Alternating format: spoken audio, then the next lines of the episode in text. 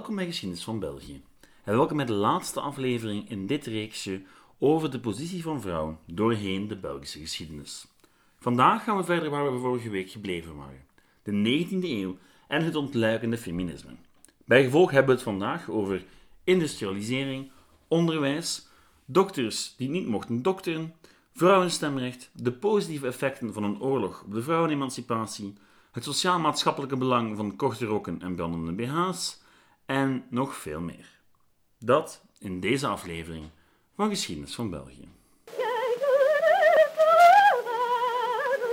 Vandaag gaan we verder waar we vorige week gebleven waren. Helemaal tot in de 20e eeuw. Niet het einde, want er is nu eenmaal te veel, maar we gaan wel redelijk ver geraken. Beginnen doen we alvast in het jaar 1815. U weet wel, het Verenigde Koninkrijk der Nederlanden. Nu, ook al was het Verenigde Koninkrijk een nieuw land met zijn eigen wetten, hield men toch vast aan de Code Napoleon. U weet wel, dat wetboek dat de ongelijkheid tussen man en vrouw zwart op wit vastlegde. Het was niet langer enkel een populair idee bij de burgerij dat de vrouw aan de haard hoorde. De macht van de echtgenoot en de verplichte gehoorzaamheid van de vrouw werden de wettelijke basis van de maatschappij van de 19e eeuw. Want ook al was die 19e eeuw een heel woelige periode, aan de Code Napoleon werd weinig geraakt. Ze werd echt gezien als de basis van het wetsysteem. Al broeide er tijdens die 19e eeuw wel degelijk iets. Want met het verspreiden van steeds meer rechten voor steeds meer personen, stellen uiteindelijk ook steeds meer vrouwen de vraag: waarom wij niet? Vorige week had ik het al over Olympe de Gouges, die die vraag stelde door simpelweg de rechten van de mens nog eens te herschrijven, maar er de rechten van de vrouw van te maken. Zij vond niet zo lang, niet zoveel later de dood, maar dat idee zou wel blijven doorleven. Nu, terug naar België. Vrouwen maakten deel uit van de Belgische Revolutie, want dat was, in elk geval in Brussel, een volksrevolutie. Maar net zoals bij de Franse Revolutie in de tijd, werden de vrouwen niet beloond bij het oprichten van de uiteindelijke staat en het schrijven van de grondwet.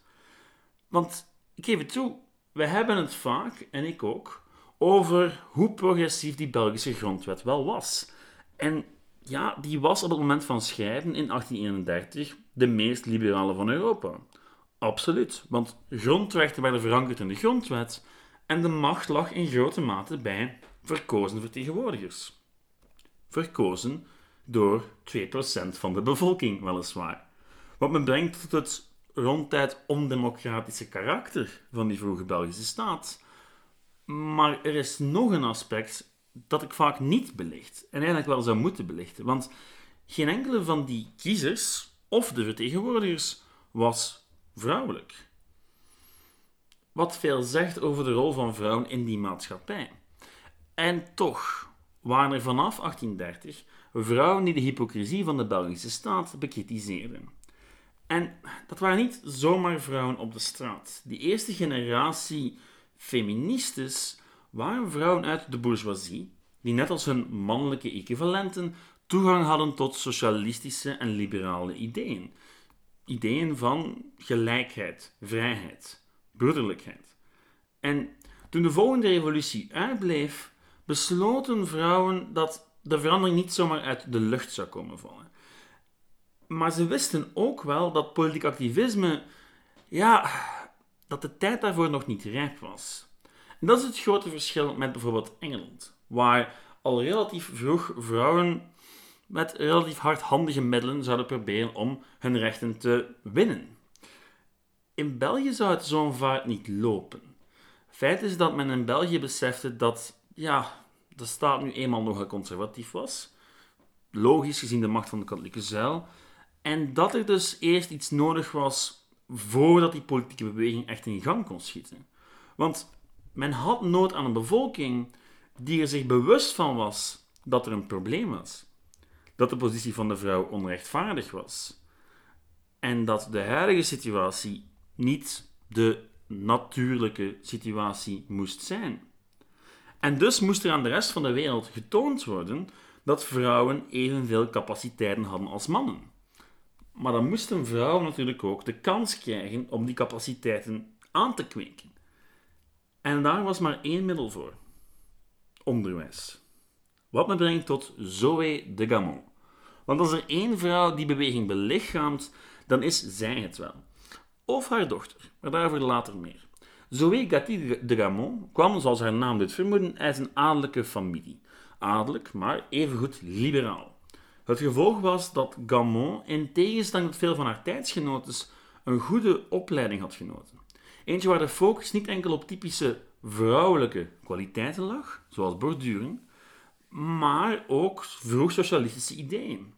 En het duurde niet lang of Gamon had de strijd van de arbeiders gelijkgesteld met die van de vrouwen. Een strijd voor sociale gerechtigheid, voor kansen.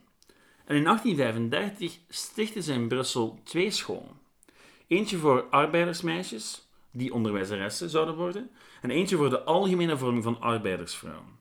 En naast het aansturen van die twee scholen kroop ze regelmatig in haar pen om pleidooien te schrijven voor volwaardig vrouwenonderwijs. Nu, de Gamon wordt over het algemeen gezien als een van de belangrijkste wegbereiders voor het Belgisch feminisme. Wat een beetje raar klinkt, omdat we feminisme vandaag de dag gelijkstellen met meer spectaculaire zaken dan onderwijs. Maar het was gewoon essentieel wat Gamon deed. Want om serieus genomen te worden, moest men op gelijke hoogte het gesprek kunnen aangaan met mannen. En aan de scholen van de Gamon en haar dochter Isabel werd die eerste generatie politieke feministes opgeleid. En zeker onder Isabel kreeg de ene na de andere eerste haar opleiding. Marie Popelin, de eerste advocate, Louise Popelin, de eerste vrouwelijke apotheker, Marie Spaak-Janson, de eerste vrouw in het Belgisch parlement en nog een heleboel meer. En eens afgestudeerd, wouden die dames ook verder in het leven. En dat was dan ook het moment dat ze op maatschappelijke grenzen stoten. Zo ook Marie Popelin. En Popelins weigering om zich daarbij neer te leggen betekent voor velen het begin van het feminisme als een politieke beweging in België. Nu, er waren al wat voorgangers van Popelin, niet zozeer in de rechten, maar er was bijvoorbeeld al een vrouwelijke dokter die actief was in Brussel. Zij had haar diploma gehaald in Bern, Zwitserland, maar was er uiteindelijk wel in geslaagd om erkend te worden door de Belgische overheid als dokter. Er werd zelfs een speciale wet voor uitgevaardigd. Dus er was al wat vooruitgang, maar voor Popelin ging het een stuk moeilijker. Popelin was leerkracht op de school van Gatti de Gamon en besloot later op 37-jarige leeftijd om rechten te studeren aan de ULB, Université Libre de Bruxelles. En dat lukte. In 1888 studeerde ze af. Op zich al opmerkelijk, maar het behalen van het diploma was niet de grootste hindernis. Wel om aan de slag te kunnen in het vak waarvoor ze vijf jaar lang gestudeerd had. En toen ze aan de balie van Brussel toestemming vroeg om advocaat te worden, werd die haar simpelweg geweigerd. Popelin ging in beroep en het vonnis van, beroep, het vonnis van het Hof van Beroep te Brussel leidt als volgt. Dit is een vrije vertaling. Overwegende de bijzondere aard van de vrouw, haar zwakke gestel, de terughoudendheid die eigen is aan haar geslacht, de bescherming die haar moet worden geboden, haar bijzondere opdracht in de mensheid, de eisen en verplichtingen van het moederschap, de opvoeding die zij aan haar kinderen verschuldigd is, het beheer van het huishouden en van de woning die aan haar zorgen zijn toevertrouwd, haar in omstandigheden plaatsen die moeilijk te verenigen zijn met de werkzaamheden in de advocatuur en haar niet de vrije tijd, de kracht of de bekwaamheid geven die nodig is voor de strijd en de vermoeienissen van de balie. Oftewel, nee mevrouw Popelin, u kan geen advocaat zijn, want u bent een vrouw. Nu, Popelin zou naar cassatie gaan, maar daar, wel, ja, op hetzelfde oordeel lopen. En ze ging dan aan de slag in een advocatenkantoor, tot ze uiteindelijk in 1892, samen met andere prominente vrouwen, de Belgische Liga voor de Rechten van de Vrouw zou oprichten. En dat werd een liga die zich inzette om zoveel mogelijk barrières neer te halen. in afwachting van het moment om voor de hoofdprijs te gaan. En die hoofdprijs was stemrecht. Want daar zou het vroeg of laat om gaan, al was het in het geval van België eerder laat.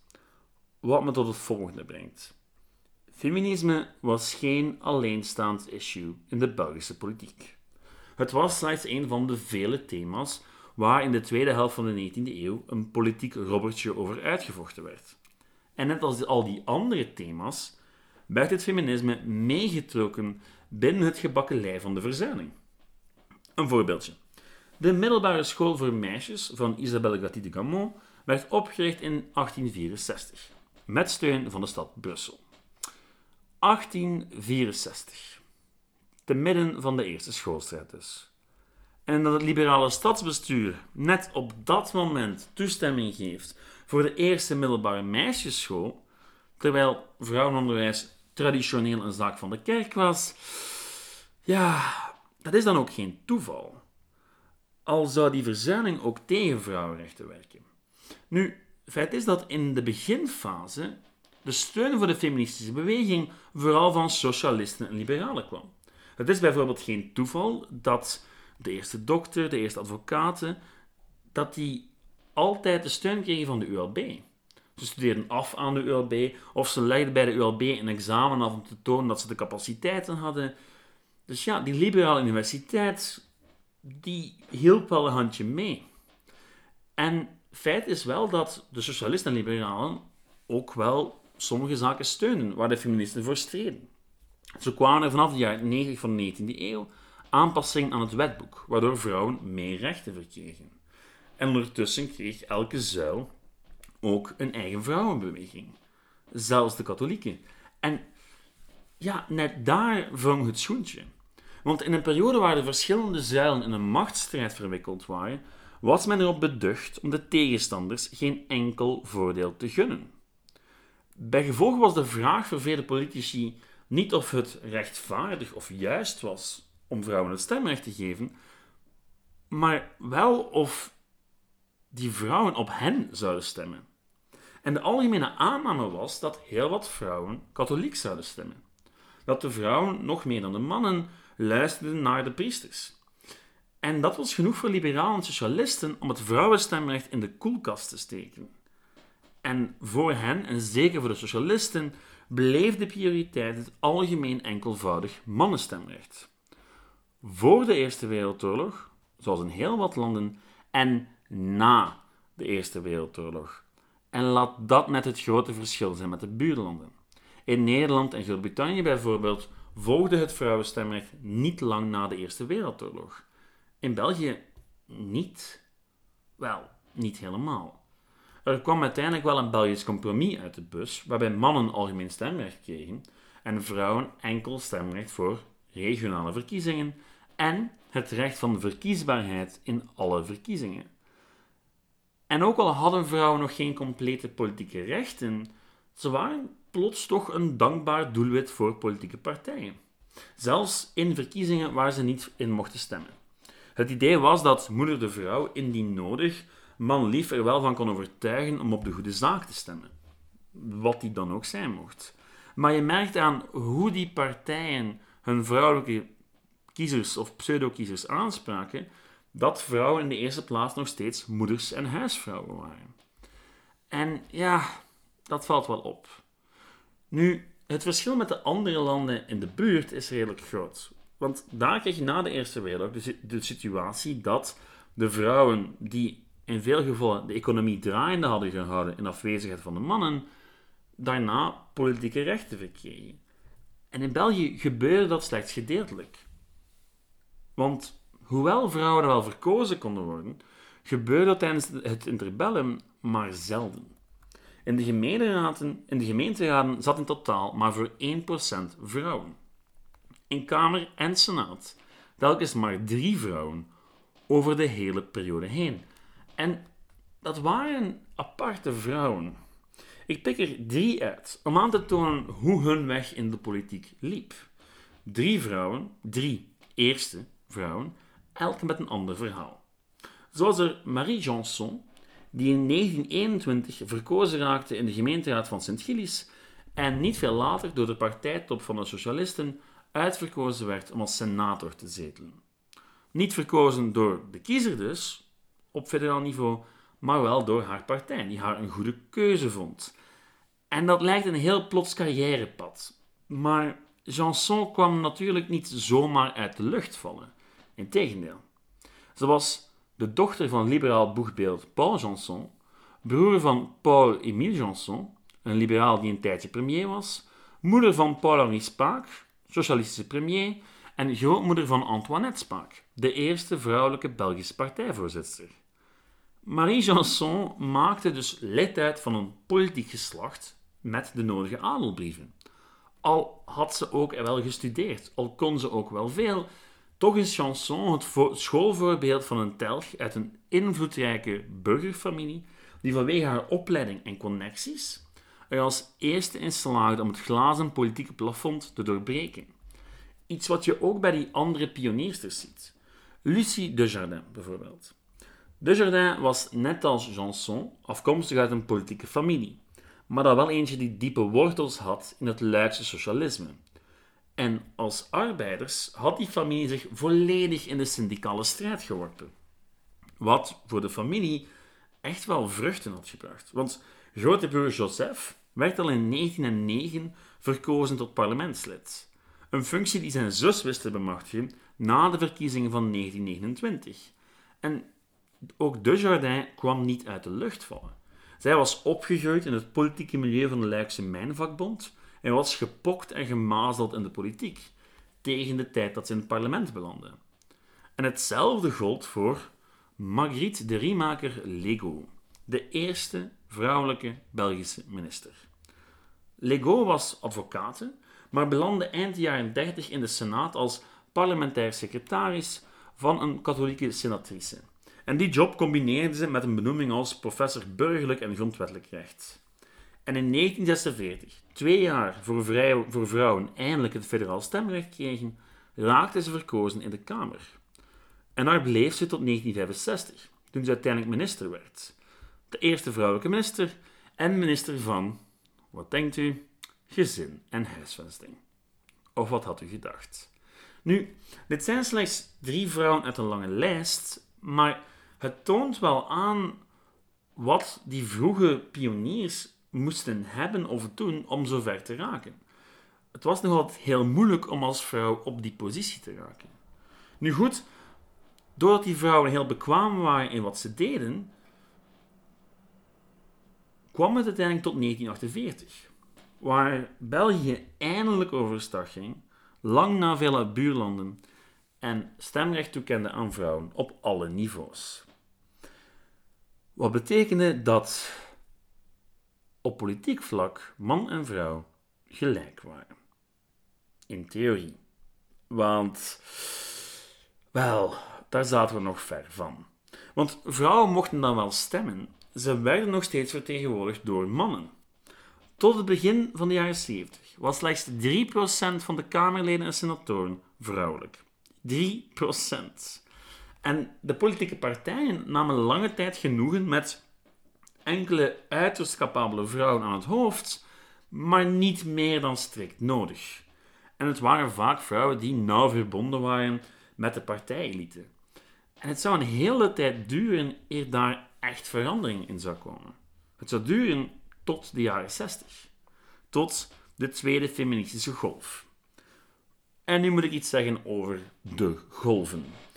Uh, het is een concept dat ter discussie staat en ik begrijp waarom, want ja, het geeft je een beetje het beeld dat feminisme in golven komt. Plots is er veel feminisme, dan is er geen feminisme, dan is er weer veel feminisme. En ja, zo werkt niks. Zeker niet in de geschiedenis.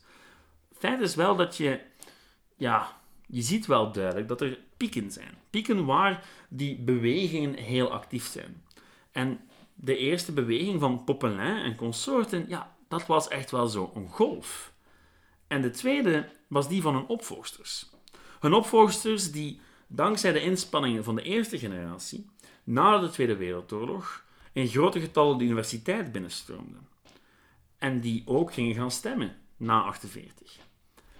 En die vrouwen die werden geconfronteerd met een nieuwe realiteit. Want op, nadat zij een opleiding hadden gevolgd aan de universiteit of elders, kwamen zij op een werkvloer terecht waar de politieke gelijkheid niet vertaald werd in, ja, echte gelijkheid. Nu, in tegenstelling tot de eerste golf was er geen duidelijk beginpunt in België. Veel zaken waaiden simpelweg over vanuit het buitenland. Um, maar in België waren het wel de traditionele vrouwenorganisaties die de leiding namen. Maar waar in de tweede golf nog het meest verschilt van de eerste, zijn de thema's. De eerste golf ging nog vooral over de juridische gelijkheid tussen man en vrouw. De tweede golf ging over het in praktijk brengen van die juridische gelijkheid. En dus over zaken zoals gelijk loon voor gelijk werk, seksueel misbruik, abortus, anticonceptie. De feministische vrouw wou in de eerste plaats haar eigen rol in de maatschappij bepalen. En dat de tweede golf ontstond in de jaren 60 was daar ook niet vreemd aan. Er zich bewust van dat een parlement dat enkel met mannen gevuld is, zich die zaken maar sporadisch zou aantrekken, poogden de feministes vanaf 1970 zoveel mogelijk vrouwen verkozen te krijgen. Wat werkte? In 1974 verdubbelde het aantal vrouwelijke parlementsleden van 13 naar 26. En al zijn dat misschien wel de belangrijkste acties van de tweede feministische golf, toch is dat niet hetgene waar het brede publiek aan denkt als het over het feminisme van de jaren 70 gaat. Dan denkt men in de eerste plaats aan verbrande BH's en dergelijke, en dus ook aan de dolle minas. De dolle minas waren ontstaan in Nederland, maar goed, het idee vloeide over de grens, eerst naar Antwerpen, en ja, het was gewoon heel populair op een bepaalde manier. Want de Dolominas, dat was eigenlijk, waren eigenlijk groepen die met bepaalde tactieken en doelen media-aandacht trokken om die doelen op, politiek, op de politieke agenda te zetten. En hun acties waren vaak ludiek. U kan het een klein beetje vergelijken met Pussy Riot in Rusland. Zij het misschien iets minder um, naakt. Maar in Antwerpen bijvoorbeeld trokken ze naar een verzekeringsmaatschappij waar vrouwen niet mochten roken op de werkvloer. En de slogan die ze daarbij meetroonden was: Vrouwen hebben ook recht op longkanker. Wat toont welke aanpak ze hadden. En ze kregen heel veel media-aandacht, waardoor ze ook in het collectieve geheugen gegrift zijn. Maar het waren de traditionele vrouwenorganisaties die die grote trofeeën binnenhaalden in deze periode. Neem nu de pil bijvoorbeeld. In 1961 was die er zij het illegaal. Wettelijk was het verspreiden van elke vorm van anticonceptie en de promotie ervan verboden. Want, wel, in het België van de jaren 60 leefde het idee nog wel bij een deel van de bevolking dat paren tot baren moest leiden. Een notie die de kans van vrouwen om hun eigen lot te bepalen serieus inperkte. Want zelf kunnen bepalen of en zo ja wanneer men zwanger wil worden, was een belangrijke stap voor vrouwenrechten. En was eigenlijk het beginpunt van de seksuele revolutie. En het was zelfs zo belangrijk dat de verschillende vrouwenorganisaties de eigen zuil negeerden en gemeenschappelijk tekeer gingen tegen de wet. Met succes. Want in 1973 werd die wet opgeheven. En dat is maar één voorbeeldje van een heleboel veldslagen in de jaren 70. En over het feminisme valt ook na de jaren 70 nog een heleboel te zeggen. Maar niet vandaag. Al hebben we het thema van vrouwen in de Belgische geschiedenis nog niet helemaal afgerond op deze podcast. Omdat ik zelf geen expert ben in het onderwerp, heb ik besloten er een professionele historica bij te halen, Kim de Scheenmaker, onderzoeker bij Liberas en iemand die zich de laatste jaren onder meer heeft bezig gehouden met de geschiedenis van het Belgisch feminisme. Hebt u dus vragen over vrouwen in de Belgische geschiedenis, waar u van mij nog geen antwoord op hebt gekregen? Stel ze dan via de Facebookgroep Geschiedenis van België of het e-mailadres geschiedenisvanoutlook.be. Ik heb mijn best gedaan in de voorbije drie afleveringen om een zo compleet mogelijk beeld te schetsen, maar wel, ik ben er desalniettemin van overtuigd dat ik allerlei zaken gemist heb. Abortus krijgt vroeg of laat een eigen aflevering, net als KV, de Boerinnenbond en enkele aspecten van de Tweede Golf. Maar als ik nog iets anders gemist heb, laat u het me dan vooral weten. Tot volgende week. Ciao.